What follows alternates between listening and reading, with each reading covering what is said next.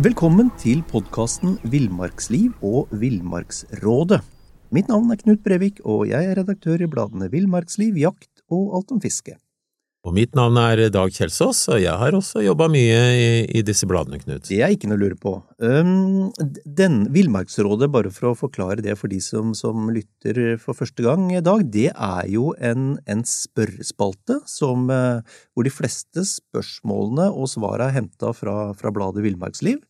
Så har vi fått noen direkte. Så, så, og de som har hjulpet oss å svare på, på spørsmål, det er Arne, Arne Hamarsland, det er Tom Shandy, Jon Arne Tungen og Andreas Næristorp. Og da tror jeg bare vi gnager rett løs på, på et fiskespørsmål, jeg, ja, som lyder sånn, Dag. Dorging i sjøen. Jeg dorger mye i sjøen og bruker både multifilament og monofilament på snellene mine. På snellene med multifilament bruker jeg alltid fortom, men er det nødvendig å bruke fortom i tillegg når jeg dorger med monofilament? Ja, altså monofilament det er jo da det vi kaller sene, ikke sant? Mm. Eh, ofte så bør vi faktisk bruke fortom. Eh, det er flere årsaker.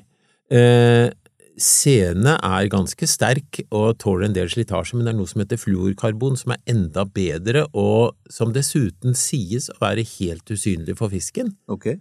Så eh, hvis vi setter på et par meter med fluorkarbon i enden, så har vi sikra oss mot at fisken både ser og, og sliter til en viss grad, og dessuten, hvis vi fisker etter arter som har skarpe tenner, så bør vi kanskje ha litt tjukkere fortom enn det vi har på hovedlina, så vi unngår at den gnages i stykker. Eh, det fins også fluorkarbon som har bare en sånn coating av, eller, eller line som har bare en coating av fluorkarbon med sene innafor, så pass på at man kjøper da ekte fluorkarbonline. Ok. No. Ja, og, og bruk svirvler i enden av fortommen, bare for, så det også er sagt, så slipper du at det, at det vrir seg rundt. Du blir en tvinning, ja. ja.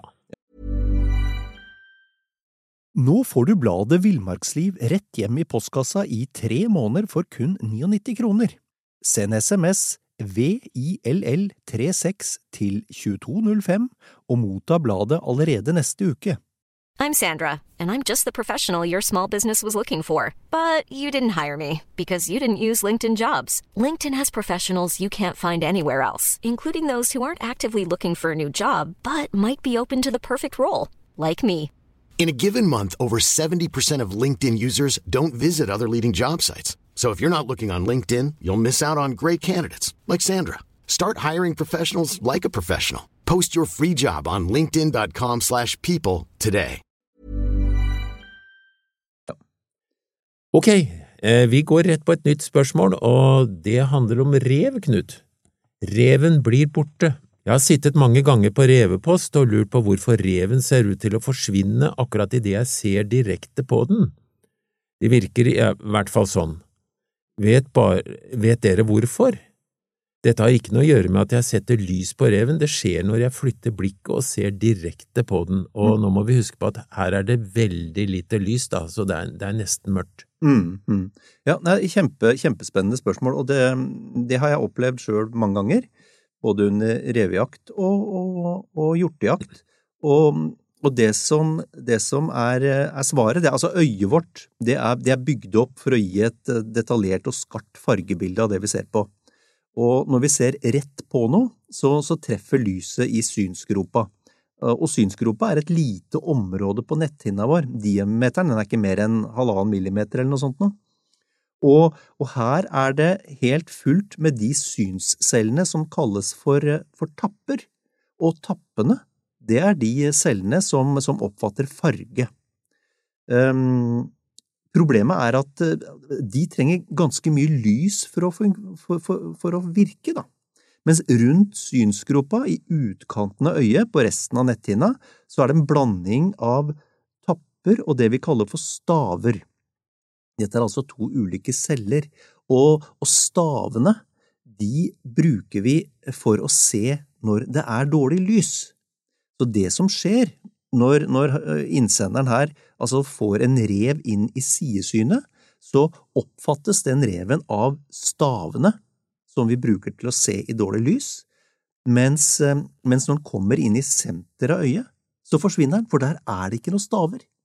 Der er det bare tapper, og tappene de bruker vi for å se farger. Så det, dette, en, dette, er en, en, helt naturlig forklaring på, og det er også, det er også årsaken til at for eksempel under, under hjortejakt, da, når, du, når, du, jakter på, på bøn, så, så, så, prøv å se litt til sida for det du ønsker å se. Jeg merka, ja, jeg merka det samme, Knut. Ja, for da, da, ser du det. Hvis du ser ja. rett på det, så ser du ikke noe. Ja. Men hvis du ser litt til sida, så ser du dyret. Så, og det, det, er egentlig svaret. Og da er det så mørkt at vi må bruke staver når vi går, hvis du vil ha en huskeregel. ja, ja, men det er jo en grei huskeregel, ja. Mm. Um, så langt staver og tapper. Neste spørsmål til deg, Dag, det, det har tittelen Hold varmen. Uh, jeg syns ofte det er en utfordring å holde varmen på post. Jeg har alltid sverga til varm solbærtoddy og sjokolade, men jeg kjenner flere som påstår at dette ikke er riktig. Istedenfor skal man spise kjøtt når man sitter på post. Kan dette stemme, Dag? Ja, det kan du lure på, for uh, dette er litt uh, fysiologisk. Uh, det har noe med forbrenningen i kroppen. la meg først si at jeg spiser ofte søtsaker og drikker noe, noe varmt når jeg sitter på post. Du gjør det faktisk når du ikke sitter på post òg? Knut, nå, nå skal vi være seriøse her. Eh, som, eh, som ihuga sjokoladespiser så har jeg det i lomma, og det gir en, skal vi si, en kortvarig boost. Du, du forbrenner eh, fort og, og får, får, blodet i gang, liksom, og, og, du kjenner at du blir ja, våken, da. Mm. Men det varer jo ikke så veldig lenge. Så hvis vi, hvis vi da tenker på kjøtt, som bruker mye lengre tid Eh, for kroppen å omsette, så vil det da produseres noe varme som gjør at du får en mer langvarig virkning. Så sitter du to timer på post, så, så spis kjøtt, liksom, og skal du sitte der et kvarter, så spis sjokolade. Det kan være en, en slags forklaring, da. Okay. Men, men, når det gjelder å fryse på post, så vil jeg jo si det at det viktige er jo for det første å ha på seg klær nok, og så er det en annen ting som eh, mange ikke tenker på, det er at hvis du du skal jo sitte stille, ikke sant, ja. men du kan bruke muskler når du sitter stille også, ved rett og slett å spenne muskler der du sitter. Slappe av, spenne muskler, og du kan smådirre, du kan tråkke med føttene inni støvlene, du kan gjøre en del sånne ting som gjør faktisk at du produserer varme ved muskelarbeidet. Mm, mm. Hva var det det, var det det kalles? Å flekse muskler? Ja, det er mulig. Så, så det er iallfall en mulighet. Ja, ja. Ok, vi går over til neste spørsmål, og det handler om gass eller bensin. Jeg skal skaffe meg en brenner, til koking tydeligvis, og har lest en del om fordeler og ulemper ved henholdsvis gass og bensin, men er fortsatt usikker. Hva anbefaler dere? Ja, Altså Nå spesifiserer jo ikke eh, spørsmålsstilleren her om man skal bruke brenner om sommeren eller gjennom eh, hele året. Han sier heller ikke noe om bruksområdet, om han skal lage mat, varme opp telt, koke vann, eller, eller for eksempel bare smelte snø. Så svaret må derfor bli noe generelt, og, og det går som følger. På, på, lengre, på, lengre, turer til vinterbruk, oppvarming av telt og, og, og smelting av snø, så er anbefalingen ganske enkel. Da er det en bensinbrenner som egner seg best. Og, det er fordi bensin er lettantennelig selv om det er kaldt, og det er enkelt å ha oversikt over drivstofforbruket. Bensin er også lett tilgjengelig nesten uansett hvor du er i verden. Bensinbrennere er som regel, er som regel tiltenkt litt sånn tøffere bruk enn en gassbrenner, og, og, takler, og takler denne typen bruk veldig bra, da. Altså, det finnes gassbrennere på markedet som takler noen minusgrader, men de, det kan likevel ikke sammenlignes med en bensinbrenner. Det kan også være litt vanskelig å beregne drivstofforbruket på en gassbrenner, da, da, må du på en måte veie boksen da, for å finne ut hvor mye gass som er igjen, og det er jo ikke spesielt praktisk gjennomførbart i, i felt. Um, abre med en bensinbrenner, det er at uh, drivstoffet, hvis det, hvis det, kommer ut av beholderen, så kan det forurense både mat og klær om du er uforsiktig eller har dårlige leirrutiner. Um, en bensinbrenner krever også noe mer øvelse for, for, for at den skal håndteres på en forsvarlig og sikker måte. Men, men når det er sagt, da, så, skal, så skal du ikke avskrive gassbrenneren fullstendig til, til dagsturer og til kortere turer på vår, sommer og, og tidlig høst, der, der du ikke har all verden av drivstofforbruk. Så, så kan en gassbrenner være et bedre valg.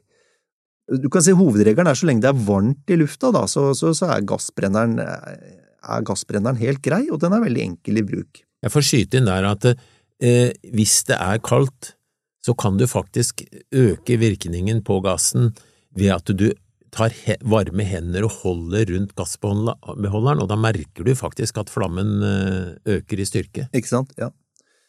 Nei, også for gassbrenneren, den er jo, som de fleste vet, den er jo veldig enkel i bruk. Det er jo, det er jo i bunn og grunn bare å skru på gassboksen, åpne justeringshjulet og tenne på.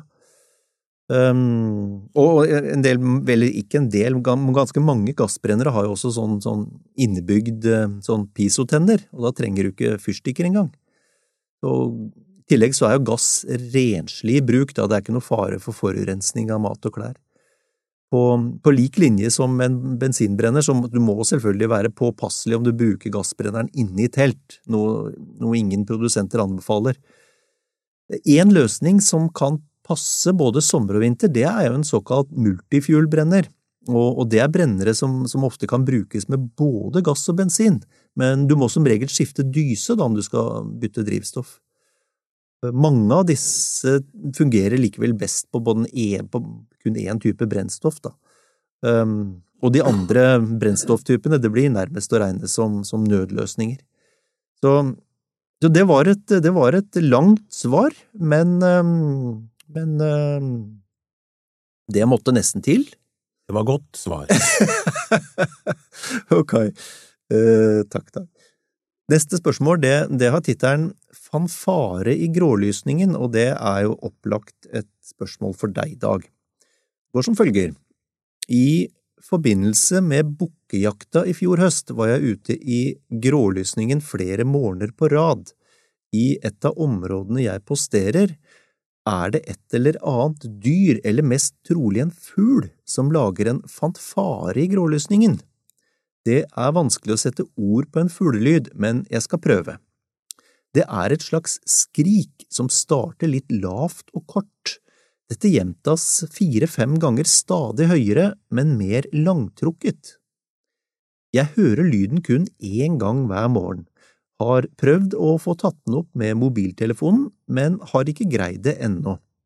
Så da spør jeg dere, hva i all verden kan dette være? Dag.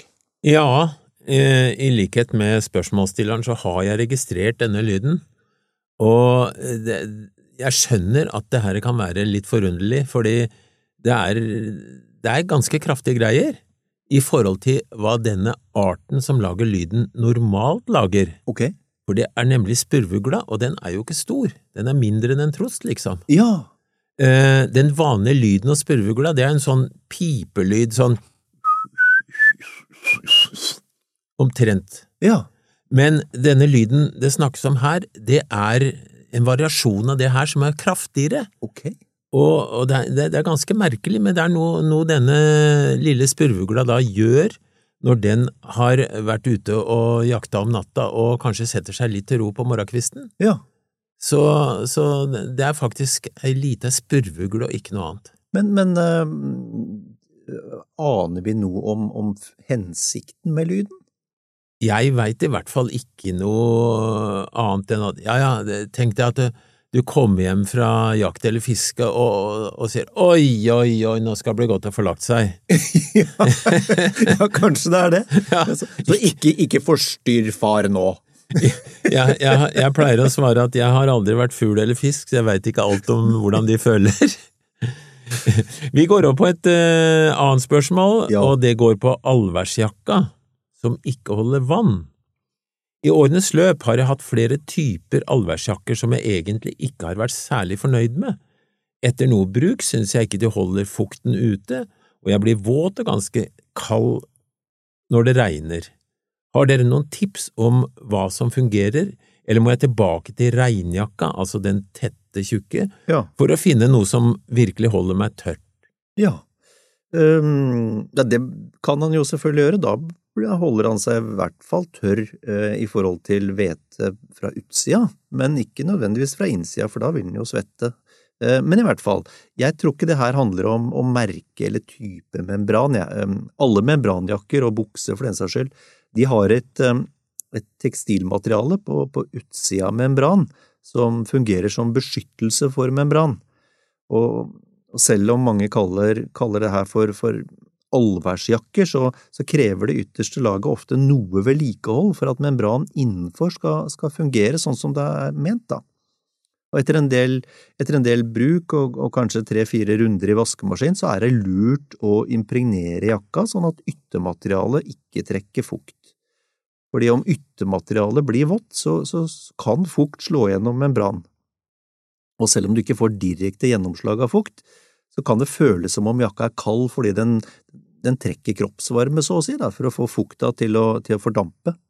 Om du bruker en tørketrommel etter at du har vaska jakka, kan, kan, det virke sånn revitaliserende på en del typer impregnering.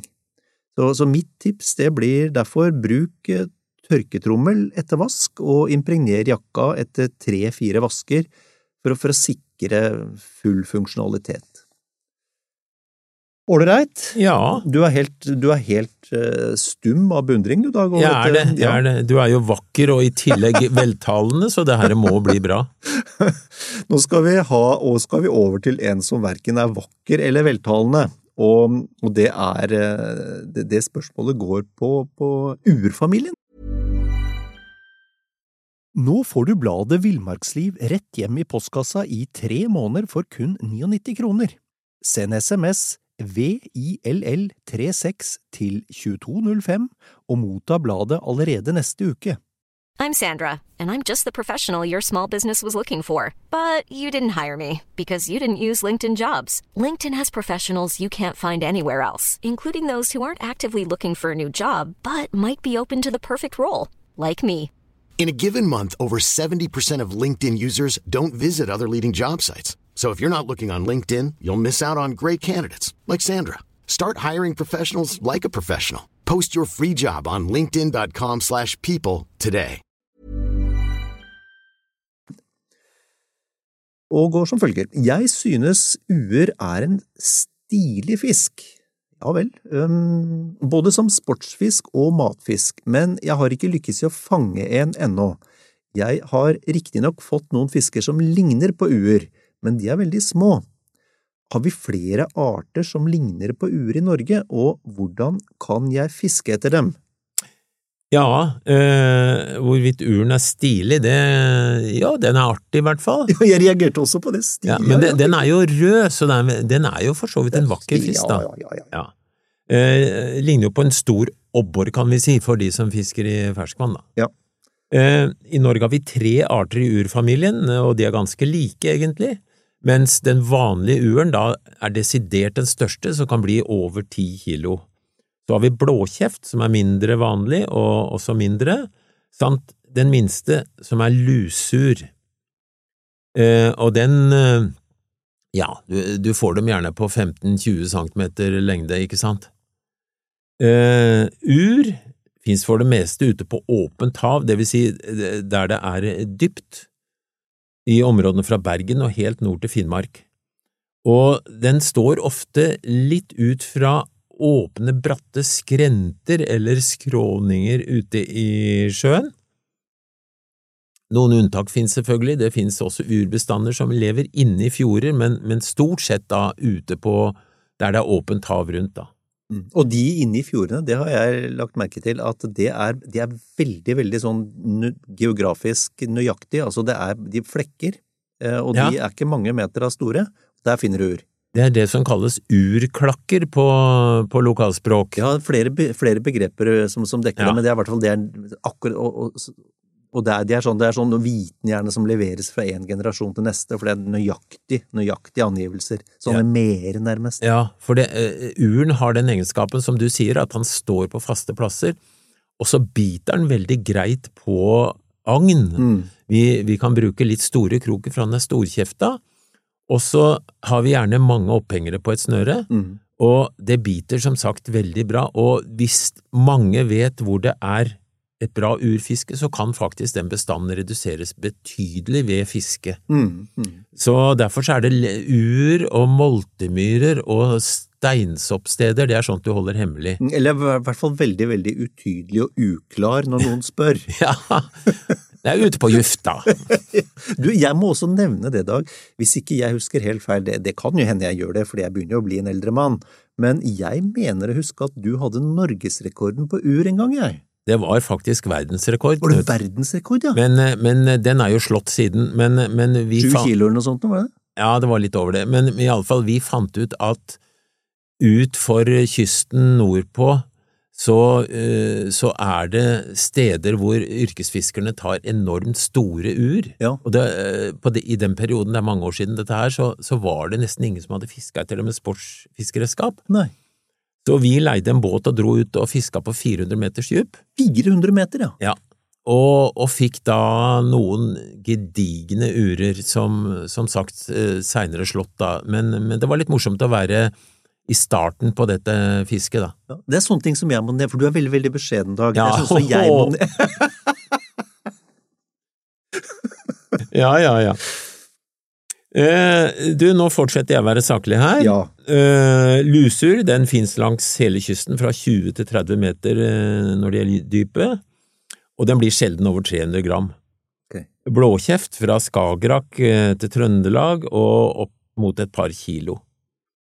Eh, også ur og lusur lever ofte pelagisk, eh, mens blåkjeften den trives best helt på bånn. ja, pelagisk, Dag, hva er det? Ja, det er, det er i vannlagene, kan du si, da. Og. Og, over bunnen i de frie vannlagene. Det kan være fem eller 20 meter over bunnen, liksom. Ok. Eh, og jeg har nevnt det her med å bruke litt store kroker, kanskje 5-0 eh, i størrelse, for de som eh, kjenner til det. Mm. Eh, eller så kan du da fiske vanligvis, kan du fiske ur på eh, skal vi si 100–200 meters dyp, da. Det er, det er veldig vanlig. Eh, du slipper ned til bånn, og så veiver du deg rett og slett oppover langs, eller litt ut for denne her skrenten, da, og så vil du før eller seinere da treffe ur. Om du ikke er kjent, så bruker du sjøkartet og finner ut hvor det er sannsynlig at det finnes ur. Ja. Det napper hardt og ganske hard i munnen, så du må gi ordentlig tilslag når, når den biter. Og, men den er ikke sånn, det er ikke noe sånn voldsom sportsfisk, det, det blir rett og slett å, å sveive til du kjenner at det butter mot litt nedpå der, og så må Ja. du bare slite deg opp med det. ja. Men fantastisk god, da. Altså, lettsalta ur er jo nydelig. Og stekt ur, å nei du, det er nydelig, nå ble jeg sulten, Knut. Vi går over til viltkameraer, vi som er neste spørsmål. Ja. Da jeg var ute i skogen for å plukke blåbær i høst, gikk jeg rett på et viltkamera som var festet på en granlegg. Det var ikke tegn til liv i kam... Nei, det var ikke tegn til liv i kameraet, nei, det, han merka ikke at det tok bilde, kanskje, da. Nei, nei. Ikke noe blits eller blink som varsla om at det var aktivt. Det var ingen lapp eller påskrift som opplyste om hvem som hadde satt opp kamera, eller hvorfor. Jeg synes dette er helt horribelt, og var fristet til å skjære viltkameraet løs og legge det front, med fronten ned på bakken. Hva er egentlig reglene? Skal ikke kameraet vise når det tar bilder, og skal ikke den som setter opp slikt, eh, merke det med navn og telefonnummer, Knut? Ja. Jo, eh, altså reglene for viltkameraer og andre overvåkningskameraer, de er, eh, er rimelig greie, de. Et viltkamera det skal settes opp sånn at det er usannsynlig at det blir tatt bilder av mennesker. Og området bør merkes slik at alle kan se at det er satt opp et kamera.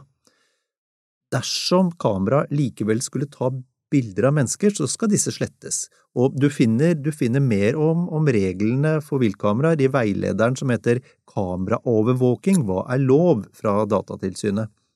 Den som setter opp eh, kamera, eh, skal også ha grunne, eller bør i hvert fall ha grunneiers tillatelse. Og det varierer noe fra kamera til kamera hvorvidt du kan se eller høre om det er aktivt. Fra noen så hører jo et lite klikk, mens andre er totalt lydløse. Eh, Kamera kan ha en rød lysdiode som blinker når, det, når det ser noe eller tar bilder, men, eh, men dette er stort sett knytta til innstillingen av kameraet når det settes opp. Lysglimtet fra et viltkamera med, med, med blits, det, det vil jo være lett å se da om du skulle gå forbi skumringa. Så ser du at det gløder mørkerødt eh, fra blitsen noen tiendedels sekunder, så tas det bilde med IR-blitsen i funksjon. Uh, mens andre kameraer, det har såkalt sånn black IR-blits, og den er umulig for oss å se. Det, det finnes altså viltkameraer der du ikke kan oppdage om det tas bilder. Um, og viltkameraer som, som, inngår i seriøst overvåkingsarbeid, det vil jo normalt være godt merka. Uh, om, altså hvis du finner umerka viltkameraer som står sånn til at de, at de, kan ta bilder av mennesker, for eksempel i en sti eller andre steder hvor det er mye, eller hvor det er folketråkk, da synes jeg det er akseptabelt ja, å løsne kameraet og sette det på bakken. Det vil være på en måte en eller annen sånn effektiv beskjed til eier om at kameraet står på et sted der det er til sjenanse, uh, og at det bør flyttes. Her ser jeg for meg eh, morsomme situasjoner med to som sniker seg ut i skogen, Knut, og som egentlig er gift på hver sin kant, og så videre. du har veldig, veldig skitten fantasi i dag. Nei, men dette her er ting som skjer, har jeg hørt, i hvert fall. ok. Um, vi skal over til uh, fjellsko, vi. Og, og det passform, rettere sagt, på fjellsko. Og, og spørsmålet lyder i Villmarksliv har jeg lest en artikkel om fjellsko, eh, hvor det blant annet ble foretatt en vurdering av produktenes passform.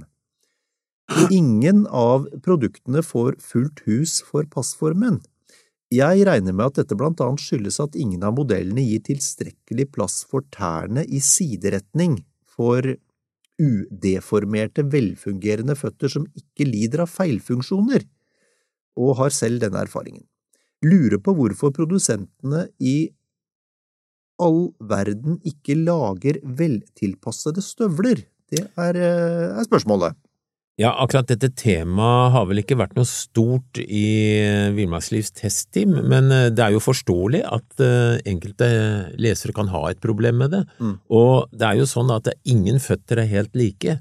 Så jeg ser for meg at det er ikke enkelt å være støvleprodusent. Men, men eh, det går jo an også å tenke litt før man kjøper støvler, da. Mm, mm. Og jeg pleier å si til de jeg eventuelt er med som skal kjøpe støvler, ta på deg de støvlene du liker best etter første prøving i butikken. Så går du opp og ned trappene i butikken og rundt i butikken til folk tror du er, har klikka lite grann, men ja. det er rett og slett for å å venne seg til støvlene, kjenne om føttene trives der etter at det har gått et stykke. Ja, ja. Så, og særlig det med å gå i de trappene er viktig. Mm, mm. Så da, da, vil du kunne finne ut hvilke eh, støvelmodell som i alle fall passer deg best. Ja, ja. Eh, for eh, det er jo noen som har brede føtter, noen som har smale føtter, noen som er høyrista, osv. Og så er det én ting som hvis vi skal bare kan skyte inn det dag, og det er jo at når du går mange nok timer, eller går langt nok i enten det er fjell eller skau, med, med, med fjellstøvler, fjellsko, så, så, føttene dine vil heve seg lite grann. Ja, de eser ut litt. Eser ut lite grann. Ja. Eh, det er jo veldig viktig da å bruke sokker, eh, altså ordentlige sokker. Hvis du går om sommeren for eksempel og skal kjøpe fjellsko, mm. så har du kanskje tynne sokker i joggeskoene, og så, og så prøver du støvler med de. Det er ikke bra. Du må be om å få låne et par tjukke sokker i butikken. Ja, eller ha med. Eller ha med, mm. og, og, og, prøve støvlene på det grunnlaget der. Eller så er det jo sånn at det fins fortsatt noen skomakere, og de kan blokke ut sko sånn at de passer eksakt til din fot. Mm, mm. Eh, og det er ikke noe dårlig idé, fordi du, du skal faktisk leve med støvler på beina eh, hele tida du er på tur. Ja. Så det er veldig viktig at du trives med det du har på beina. Mm. Eh, i, i, gamle dager, for å bruke det uttrykket, så fukta man jo disse støvlene av lær og gikk med dem våte på tur for at de da forma seg litt mer etter føttene. Ja.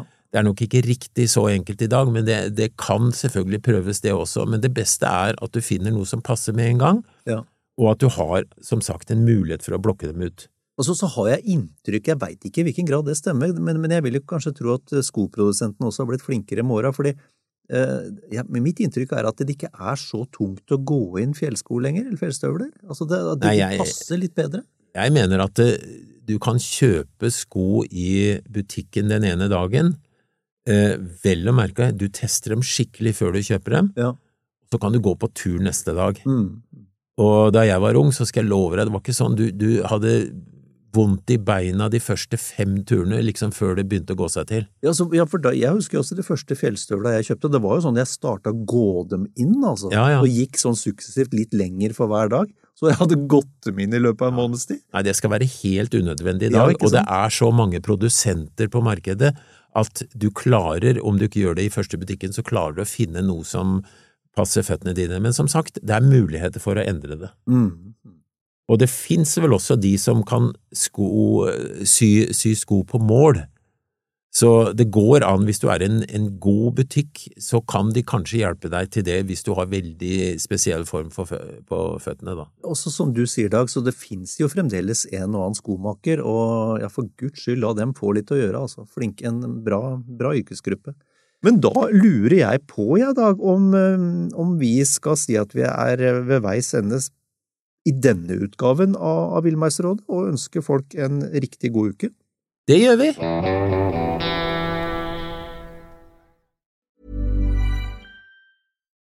Nå får du bladet Villmarksliv rett hjem i postkassa i tre måneder for kun 99 kroner. I Villmarksliv kan du lese om norsk natur, ærlige tester av klær og utstyr, og mange gode turtips skrevet av erfarne friluftsfolk, fiskere og jegere. Send SMS VILL36 til 2205 og motta bladet allerede neste uke. Lev livet villere med bladet Villmarksliv.